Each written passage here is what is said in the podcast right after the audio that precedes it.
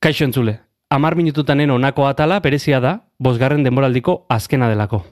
Dagoeneko amabi atal kaleratu ditugu, eta aurreko lau denboraldiak ere entzunga dituzu oso osorik audio plataforma guztietan. Besterik gabe, az gaitezen. Azkue Fundazioak eta Ulu Mediak ekoitzitako podcasta. Henry F. Amiel idazle suitzarrak esana da, erabakiak hartu aurretik den argitasun oso ikusi nahi duen pertsonak inoiz ez dula hartuko erabaki bat. Eta ez dago gaizki esana, izan ere kanpoko baldintzek baino hartzen ditugun erabakiek finkatzen dute gure bizitza. Baita hartzen ez ditugun erabakiek ere.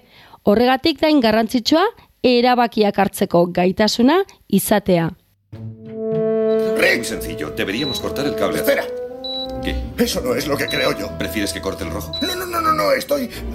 Estoy pensando que nos quedan 8 minutos y 42 segundos. Podemos subir, esperar a los artificieros. Datu harrigarri bat, egunean zehar pertsonok batez beste hogeita amabos mila erabaki hartzen ditugu. Eta horien zati txiki batez baino ez gara jabetzen. Zehazki, gure garunak hartzen dituen erabakien euneko laurogeita emeretzi baino gehiago automatikoki hartzen ditu. Hau da, ez gara benetan horietaz jabetzen. Espera, espera, espera, Rix, espera. ¿Qué? ¿Cómo puedes estar tan seguro? Es una corazonada. ¿Solo una corazonada? Gaurko saioan, erabakiak hartzeko tresnei buruz hitz egingo dugu, eta horietako batzuk azaldu egingo ditugu. Teknologia, honetan ere, lagungarri zaigulako. Kaixo, maite goni naiz, eta hau amar minututan podcasta da, Amar minututan. Maite goinirekin.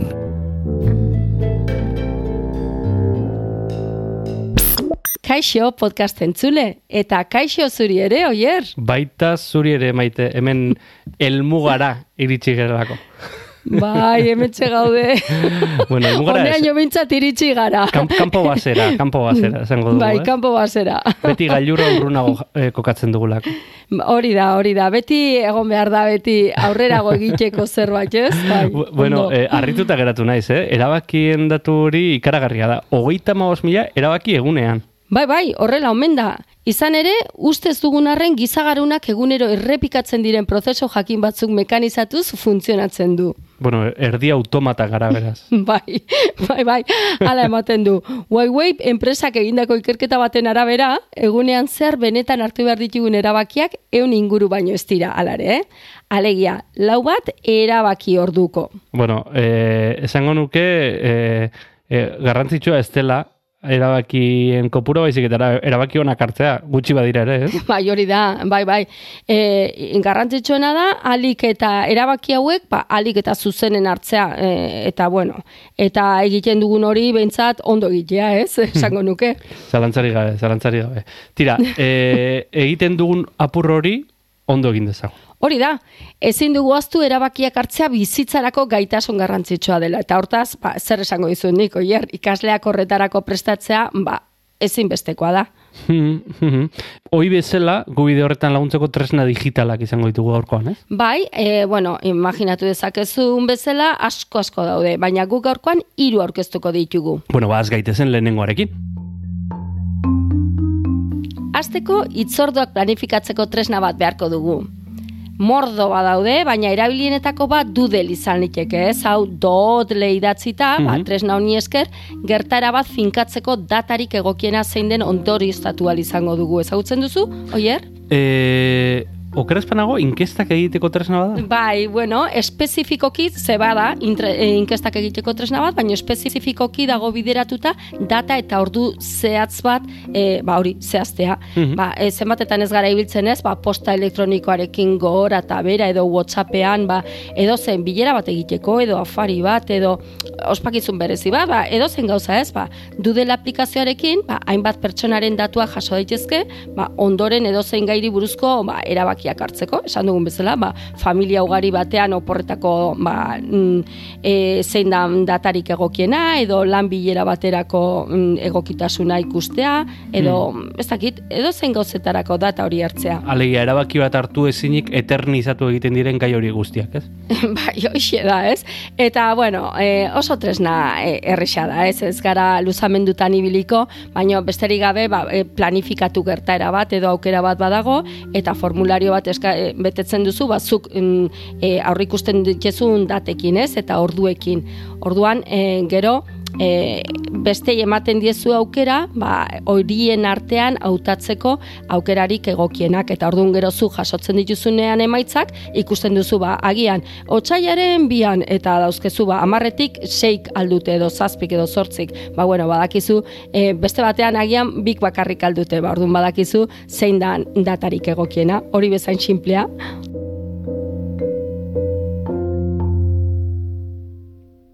Bueno, primeran, dagoeneko kuadrilakoen artean bazkari eguna jartzeko arazo bat gutxiago. Hori da, ez? Baina esan behar dugu ikastetxetan ere oso erabilgarria dela, ez? Eta zertarako erabiltzen dugu. Ba, imaginatu, irakasle eta gurasoen arteko bileragunak planifikatzeko, edo, bueno, Mhm. guk asko asko erabiltzen dugu unibertsitatean, ba, e, gure arteko bilerak, e, egun oso e, bilerak egiten pasatzen dugun ez toki guztietan, ba, oso aproposa da horretarako. Eta esan behar dugu, honen antzekoak diren, ba, dudel oso erabilia dela, baina software librean ere badaudela, eh? E, gogoan izan, bi hauek, framadate, deio framadate edo, itzordua ere planifikatzeko, eta beste bat da, dudle.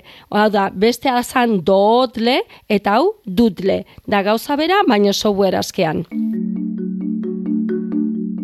Bikain, dudel, framadate, dudle, ez? E, ahoskera antzekoa dute, horregatik horrela oskatzen ditugu. Hori da. Oso erabilgarriak. Ikus dezagun orain, zein den bigarren tresna? Bueno, ba, hori oso simplea zen, ez? Nei hau gustatzen zait bigarren hau.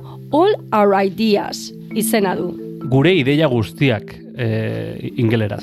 Bai, osea, bira zeizen pretentiosoa edo, eh? Gure idea guztiak, ba, e, egiesateko ikerlariek, Princeton Unibertsitateko ikerlariek garatutako tresna bada, zientzian oinarritutako metodo baten arabera, horrelaxe kontatzen digute behintzat, ez? Eta honek ematen duen aukera da, komunitate batek, ba, ze arazoak dituen e, identifikatzeko, eta hoien arteko e, aukera egiteko, esateko, ba, honekin geratzen naiz edo beste idea horrekin, eh? Orain azalduko dizut hobeto xiago. Itxura oso ona du, e, nola funtzionatzen du, nola hartzen dira hemen erabakiak. Ba, begira, abian ipintzen duenak e, proposamen zerrenda bat egiten ditu, ez? Proposamen ezberdinak eta sisteman kargatzen ditu. Ba, hobe da urestatzea landareak egoitzeko ordubietan edo hobe da labadora jartzea, ez dakiz zer, bueno, e, segunda ze arazoen inguruan ari garen, ez? Ordun, zerrenda proposamen, ba, proposamen bat egiten du, zerrenda horretatik sistemak binaka erakusten dizkizu eta ordun besteak aukeratu behar du ba hau egokiagoa da A edo B sistemarekin bata ala beste Beraz, bat ala beste, e, proposatutakoen artetik aukeratu egin behar da.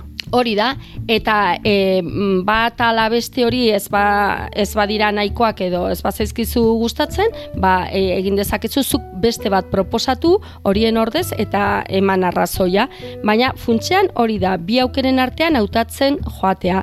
Eta nire ustez behintzat, hoxe da e, ba, tresna hau hain berezi egiten duena, ez dizu jartzen ba, zerrenda bat eta listo, e, jarri ba, nahiago duzun hautatu eta hori ez, ba, pentsatzen joan bertzara, hau edo B, A edo B, A edo B. Ordun pentsatu egin behar duzu denbora guztia. Askoz ere elaboratuagoa da. Beraz, edozein komunitatean erabiltzeko oso egokia izan liteke eta gelan zer esanik ez, ez? Ba, ohitzeko ikasleak, ba, e, erabaki baten atzean edo ba, mm, kritikotasun pixka bat behar dela, pentsamendua, lasaitasuna, patxada hartzeko erabaki hori. Oso interesgarria iruditzen zait alderdi horretatik. Zalantzari gabe interesgarria, eta suposatzen dut, gero horrekin ranking bat edo horrelako zerbait egingo dutela ikaslek, ezta? Bai, hori hori hori da, e, jendeak gustukoen dituen edo ikasleek e, gustukoak dituen proposamen ranking bat egiten du eta gero emaitzak ba, oso modu e, bisualean ematen ditu, ez? E, bisualizatu litezke puntuazio gehien dituenak edo jatorriaren arabera edo konparatibak eginez eta bar ordun e, oso tresna kompletoa da.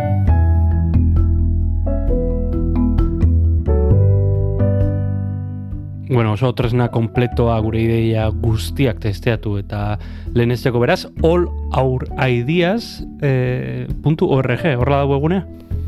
Bai, hori da, e, bisitatzen baduzue, Olaroid Diaz dena batera jarrita puntu horrege, sartu eta adibide batzuk ikus litezke.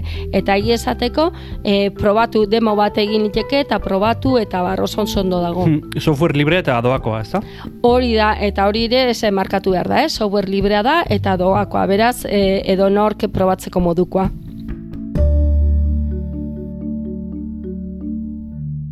Bueno, bikain, bagoazen irugarren tresna ezagutzera? Bai, eta, bueno, irugarrena tresna bat baino teknika bada, amia deiturikoa. Akronimo bada, hautasunak, mehatxuak, indarguneak eta aukerak. Normalean, enpresetan erabakiak hartzeko erabiltzen da, baina hezkuntzan ere, ba, nire ustez oso interesgarria gertaliteke. Hau inglesez SWOT da, eta gazteleraz DAFO, ez? Bai, nik uste jende asko ezagutuko duela, ez teknika SWOT edo DAFO hori. Ba, esan batzela euskeraz, amia da, eta normalean enpresetan erabiltzen da, eta hau adibidez, ba, oso nahi izan liteke, e, negozio bat edo proiektu berri bat edo abiarazin nahi dugunean, ba ikusteko bere alderdi e, indartsuak e, eta esan duguna, auleziak eta bar. Eta ordun e, ba, guri dagokigunez hezkuntzan ere, ba ez dira horrelako analisi asko egite, baina nik uste dut ere hau interesgarri izan litekela ikaslei begira, ba e, imaginatu askotan hitz egin dugu proiektuetan oinarritutako ikaskuntzari buruz, ezta?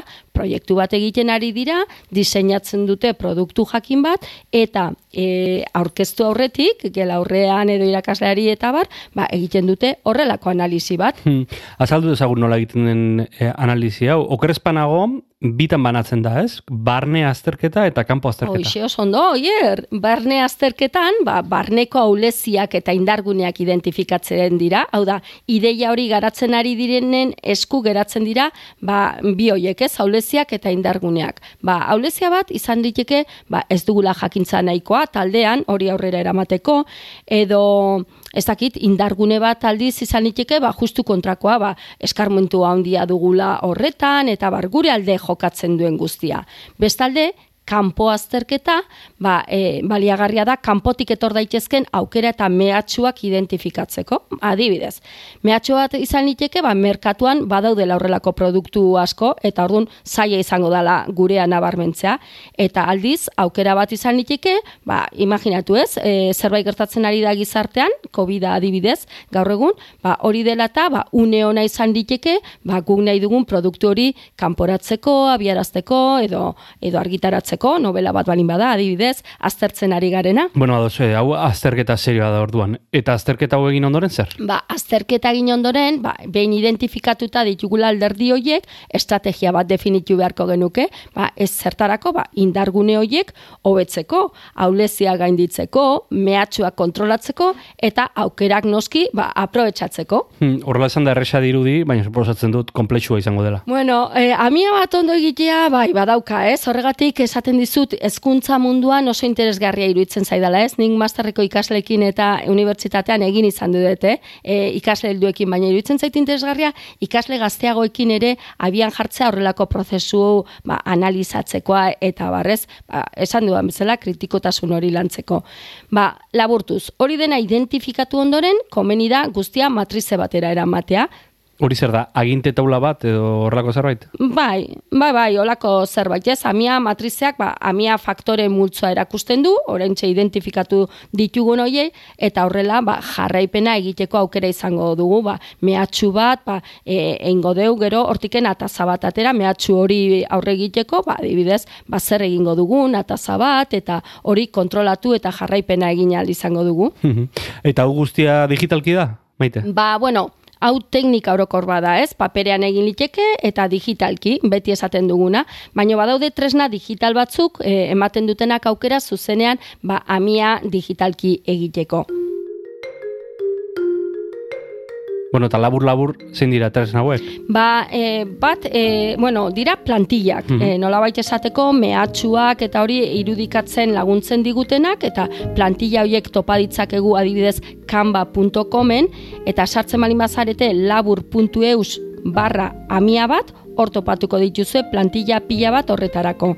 Eta beste bat izan liteke labur.eus barra amia irun e, bigarrena saltu indete, baina amia irun, eta hor ere edit.org dago, eta kanbantzeko zerbait da, eta badu bere ataltxoa horrelako amiak egiteko, plantillak beraz topatuko ditugu, eta hirugarrena e, labur.eus barra amia lau, ba, hau ja sofistikatu isiagoa da, eta enpresa munduan erabiltzen dan tresna profesional bat da. Eh?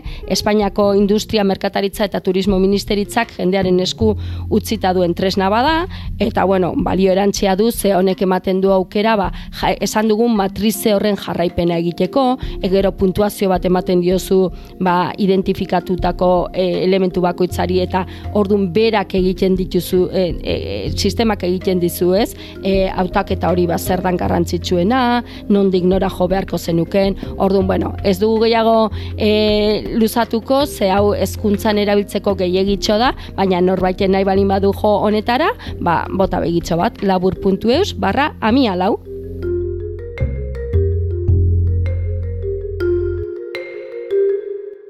Bueno, maite, hogeita amabos mila ez dakit, baina gaur ere, erabaki asko hartu ditugu. Bai, esango nuke.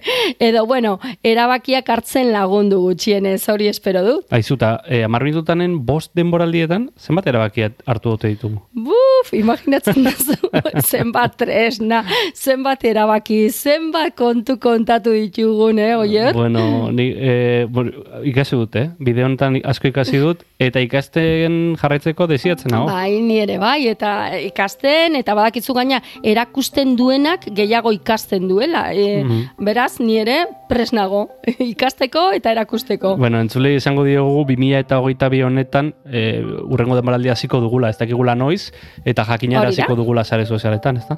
Hori da, gogoratu amar minututan bere kontua duela Twitterren, eta beraz jarraitzen badiguzue, e, abildua amar minututan, ba hor izango duzue, gure etorreran, etorreraren berri edo. Bai, e, bertan igotzen dugu informazio guztiak, partekatzen ditugu e, kapitulu berriak, eta nola ez, e, audio plataforma guztietan, ez? Zuk podcastak entzuteko, entzule erabiltzen duzun plataforma, hor ba gaude, topatu eta hartu tartetxo bat arpidetzeko. Hori da, ez nuke joan nahi oier, bueno, eskerrak eman nahi dizkizut, bihotz bihotzez benetan, ba, nerekin egoteagatik, ez, bide honetan, Nik, plazer bat da, nik zuri benetan. maite. E, nik uste tandem ona egiten dugula. Bai, bai, bai, eta oso ondo pasatzen dugu gainera. Zalantzarik gabe. Nago berriz hasteko. bueno, Bezarkada bat zuri eta entzulei. besarka da handi handi bat, eta urrengor arte, Aio, aio, maite. agur!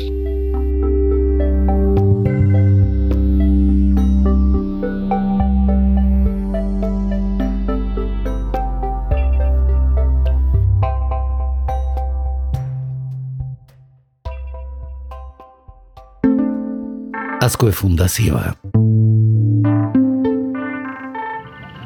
Ei, txt, entzun hori. Ulu Media.